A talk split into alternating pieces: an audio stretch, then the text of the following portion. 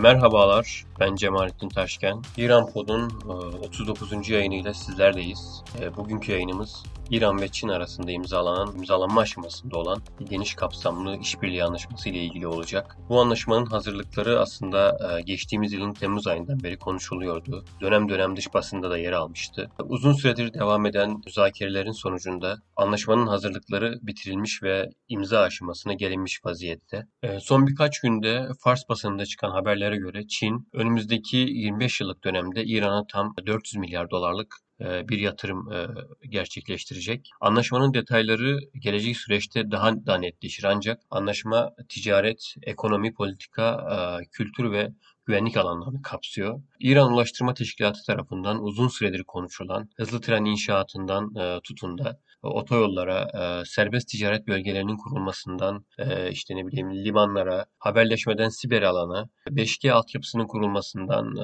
altyapı ve teknolojisi Çin'e ait olan ve bir tür coğrafi konumlama hizmeti sunan bir server'ın da İran'da kurulumu ve yaygınlaştırılması gibi ortak girişimleri barındırıyor bu anlaşma. Hatta ABD'nin e, İran'a yönelik yaptırımlarını e, bypass etmek amacıyla Çin ve İran arasında ortak bir kripto para konusunda bazı adımların atılabileceğine dair iddialar da mevcut.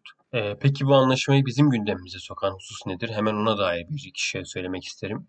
Çin Amerika Birleşik Devletleri veya İran Amerika Birleşik Devletleri arasındaki ilişkilerin seyri bu anlaşmayı daha da mühim ve dikkat çekici bir hale getiriyor. Biden'ın göreve geldiği 20 Ocak'tan bu yana İran'la olası bir yumuşama dönemine girildi biliyorsunuz.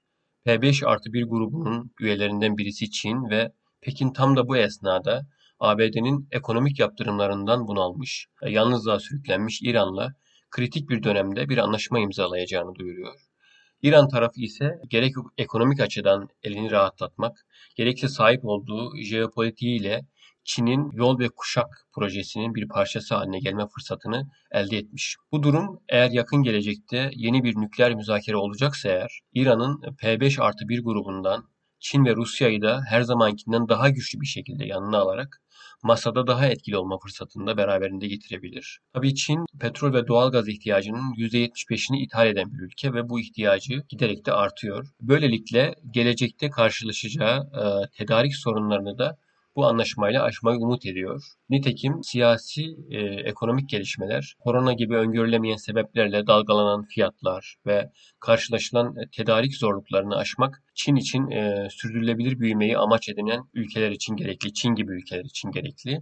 Üstelik olası anlaşmanın petrol fiyatlarının kaygan bir zeminde seyrettiği ve talep rekabetinin arttığı bir dönemde imzalanacak olması Çin için büyük avantaj. Söz konusu anlaşmanın İran'a bakan olumlu yönleri de var elbette. Çin-İran arasında imzalanan bu tür anlaşmalar İran'ın e, batı baskısına direnme kapasitesini artırması açısından son derece önemli. Hatırlanacağı üzere iki ülke arasında e, 2015 yılında savunma ve askeri işbirliği anlaşması imzalanmıştı. Bu anlaşma neticesinde Çin, İran'a sadece küçük çaplı sihalar değil aslında taktik balistik ve gemi savar füze sistemleri, e, kısa menzilli füzeler, İHA teknolojiler ve bunun altyapısını tedarik etti. Tahran'ın bu alanda kapasitesini geliştirmesi demek, kendi savunma ve saldırı sistemlerini e, güçlendirmesinin yanı sıra Lübnan'da, Suriye'de veya Yemen'de yani kendi deyimiyle Şii hilalini etkin kılmak istediği direniş ekseninde de kendini hissettirmesi anlamına geliyor. Peki bölgedeki bu gerilim Çin için ne ifade ediyor?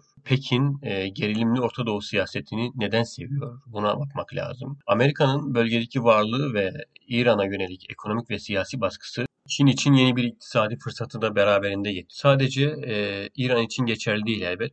Tüm bölge için geçerli durum bu. Rusya'nın ekonomik olarak pek de iç açıcı durumda olmaması, Çin'in işini daha da kolaylaştırıyor üstelik. Ee, Çin'in bu pozisyonu e, ABD siyasetini de endişelendiriyor elbette. Hatırlayacaksınız 2017 yılında Çin günde 8 milyon 400 bin varil petrol ithalatıyla e, Amerika'nın önüne geçmişti ve dünyadaki en büyük petrol ithalatçısı ülke konumuna yükselmişti. Çin'in ekonomik büyümesi dikkate alınarak yaklaşık 40 milyon tonluk petrol ithalatını 2020 yılı itibariyle 200 milyon tona yükselttiğinde eklemek isterim. Bu yüzden İran gibi, işte Hindistan gibi Çin'le petrol ihracatı pazarını koruyabilecek olan ülkelerin e, yakın bir gelecekte büyük bir dönüşüm yaşaması da ihtimal dahilinde. Ve bu tür devasa anlaşmaların yani İran ve Çin arasındaki anlaşma olasılıklarının da bu dönüşümün habercisi olabileceği konuşuluyor. Öte yandan Çinli liderler İran'la petrol ilişkisinin e, İran pazarlarına yapılacak olan yatırımlara